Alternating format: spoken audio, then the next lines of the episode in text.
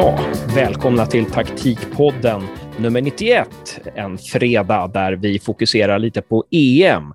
Och med mig har jag Josef Karstensen, nybliven idrottsvetare, nybakad sådan på Linnéuniversitetet i Växjö. Välkommen Josef! Tack så mycket! Och om några avsnitt så ska vi diskutera lite kring din C-uppsats som handlar om scouting. Eh, lite nya insikter där som du har fått, som du ger Fotbollssverige. Eh, och också välkommen, speciellt välkommen till vår nästor i taktikpodden, John Wall, fotbollstränare och inblandad i den intressanta sajten Game Insight. Välkommen John! Stort tack, kul att vara här som vanligt. Och vi ska köra igång med lite EM-snack och eh, min första fråga är hittills i EM, Eh, någonting som har överraskat er positivt respektive negativt? Vad säger Josef?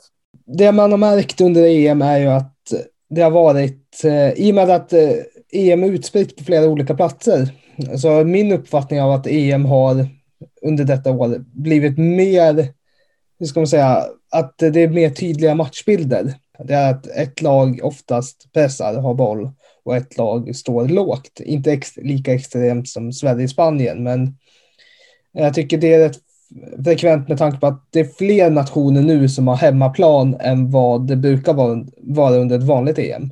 Just det, och där kan man ju tänka sig till exempel att Kroatien, när de spelade mot, eh, hade de spelat mot England till exempel i Paris så hade nog spelet varit betydligt jämnare. Men i och med att England spelade på Wembley, en arena där de sällan förlorar, så, så kunde de dominera mer och Kroatien kanske ansåg sig eh, nödgade att eh, ta det lite lugnt, att backa hem lite, eh, att spela mer direkt.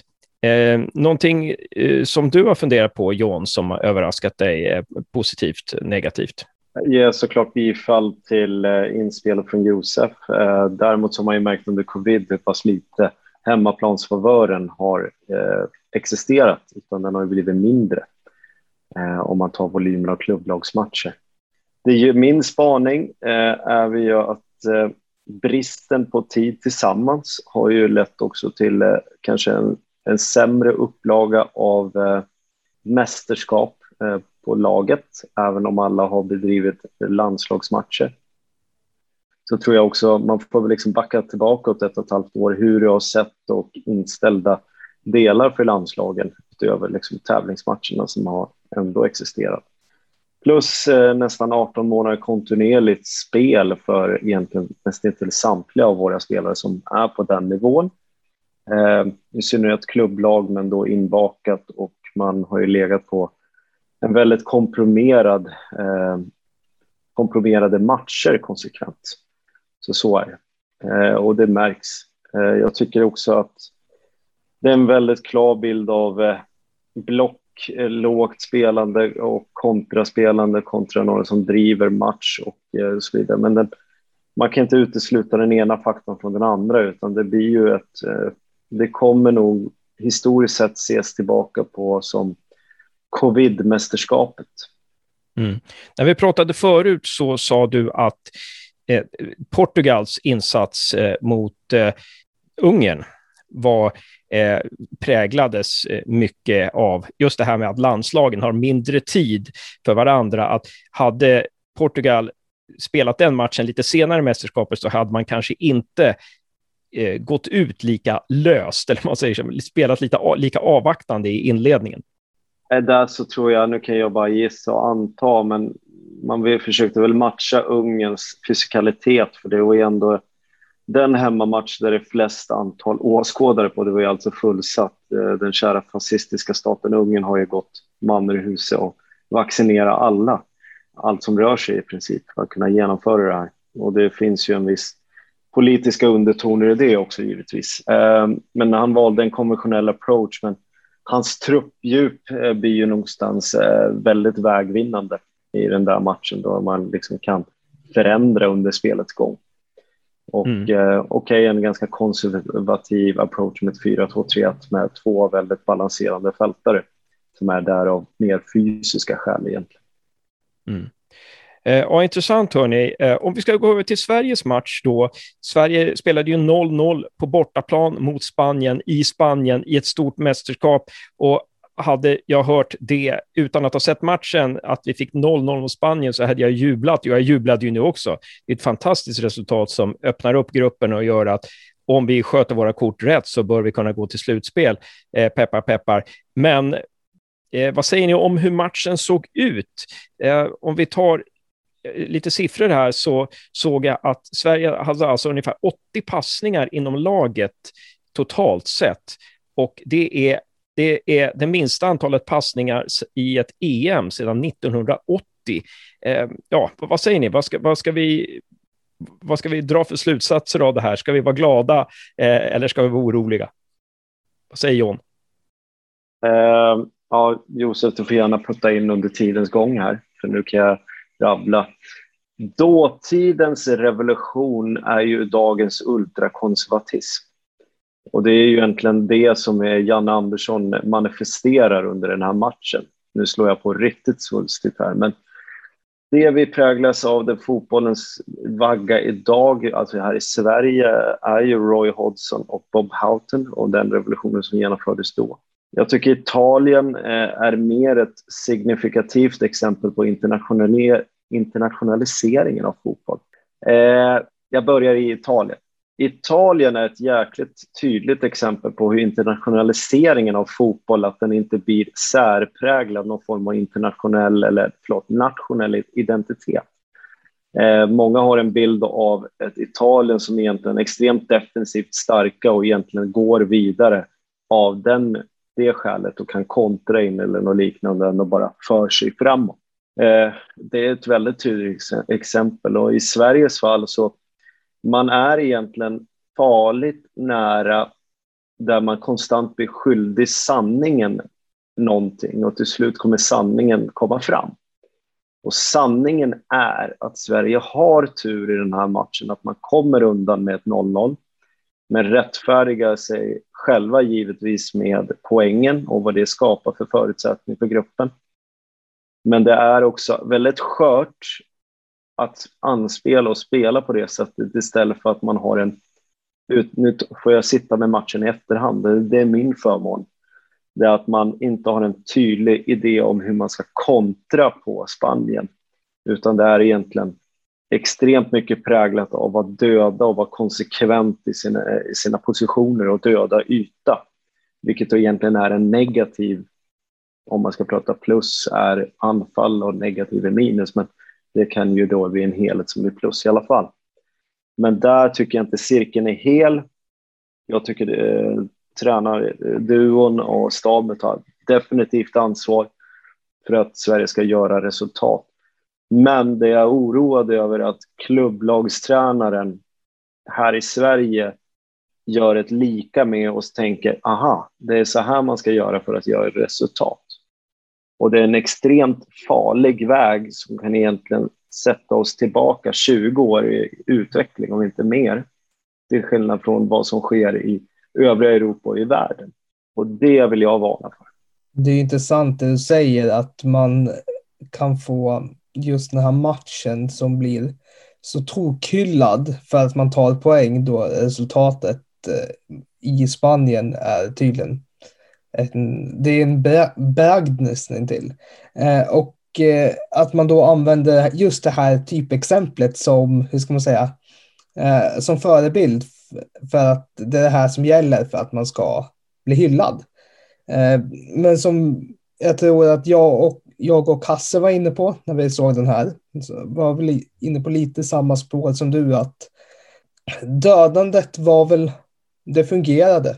Alltså, de dödade, men det var ju, det var ju väldigt segt att eh, ställa om. När man väl vann boll så var det nästan panikslaget. Det var alltid lyften på tom yta, lyften över, över långsidan.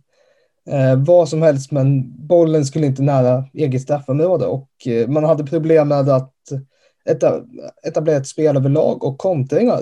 Jag kan förstå liksom särprägen på laget och det man tycker är viktigt. Och det, sen är det ju också det man upplever att man in, internationellt, man måste ju alltid ställa det man har mot en motståndare, givetvis. Eh, men här vill jag mena att normalt sett med eh, 2,4 XG på Spanien, någonstans där var det, och 1,2 för Sverige som egentligen blir då kanske två chanser däribland Alexander Isaks chans som tar i stolpen. Ja, men den är skyhög, men man måste titta på frekvensen av vad som sker och när det sker. Och mycket av det som faktiskt inte händer för man kommer undan med det. Jag tycker fortfarande inte att det är ett bra försvarsspel så tillvida om man ska tycka att försvarsspel handlar om att förhindra målchanser. För man vinner ju inte bollen. Man snarare vinner den för motståndaren gör något. Så jag tycker man bör förändra konversationen. Försvarsspel är ett betydligt bredare koncept än att bara förhindra målchanser. Och där tycker jag också att Sverige bör titta sig själv i spegeln och erkänna att vi behöver faktiskt utvecklas ganska rejält. Eh, det här är exceptionellt farligt att gå. Jag tänkte väl, det, det första du lärde mig var det ju att man, man spelar försvarsspel för att vinna boll, inte för att förhindra mål. Och det var ja. lite det Sverige gjorde just mot Spanien. Man ville förhindra mål snarare än att ha boll. För när man väl mm. fick boll så visste man inte riktigt vad man skulle göra av den. Och antingen var det ju på Isak och han fick göra någonting själv, eller så var det på tom yta.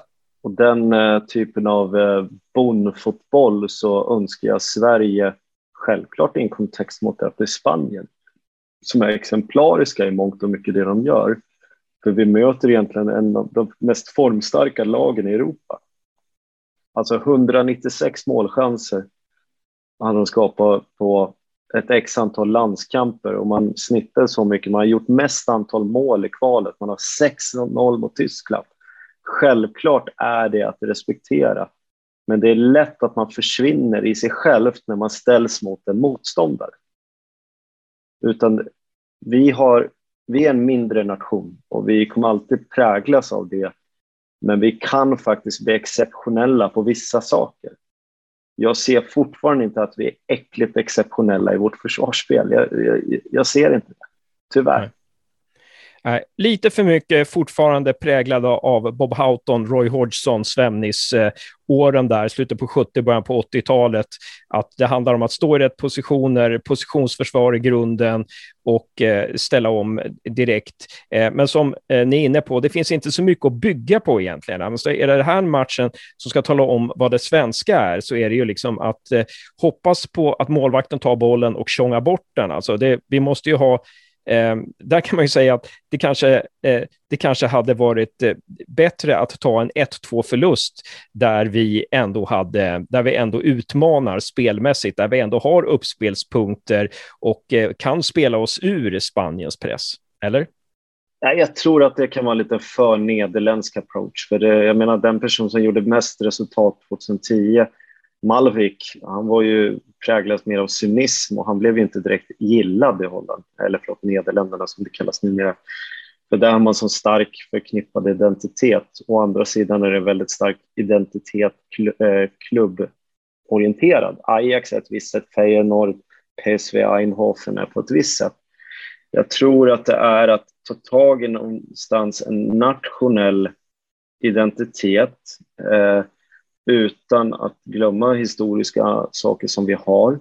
Eh, jag tycker att eh, extremt mycket beröm för den attityd och uppoffrande arbete spelarna lägger ner. Det är faktiskt det exceptionella. Och här skulle vi kunna bli ännu bättre på att orka och spela än mer sånt här. Men du kan spela anfallsorienterad i försvarsspel också. Det är lite det jag försöker säga det man hoppas någonstans, det är väl att Sverige ska bevisa sin riktiga identitet mot eh, Slovakien och Polen när man möter lite mer jämna motstånd, om man får säga det den benämningen. Eh, att man, det hade ju varit, jag tror att vi alla tyckte det var väldigt tragiskt och jobbigt om Sverige hade stått lika lå, skulle stå lika lågt mot Slovakien och Polen, skapa lika lite och eh, förlita sig på att Alexander Isak gör allt ja, vi får hoppas att de matcherna ser olika ut, annorlunda ut. Och sen så får man nog utgå ifrån att Janne Andersson säger en sak utåt, att han är nöjd med resultatet och vi ville spela cyniskt, men jag tror att han är missnöjd med ganska många saker, men det håller han nog inåt. Eh, det är i alla fall vad jag tror. Eh, ja. Eh, hörni, stort tack för att ni ställde upp på denna EM-special Eh, ha en fin eftermiddag och kväll i eh, Malmö, John Wall. Stort tack! Och Gävle, ta hand om er, må bra. Jag vet att jag har varmare här än vad ni har. Allt är inte värme i livet. det är en bra. viktig del. Bra jobbat Josef! Tack så mycket Hasse, tack så mycket John.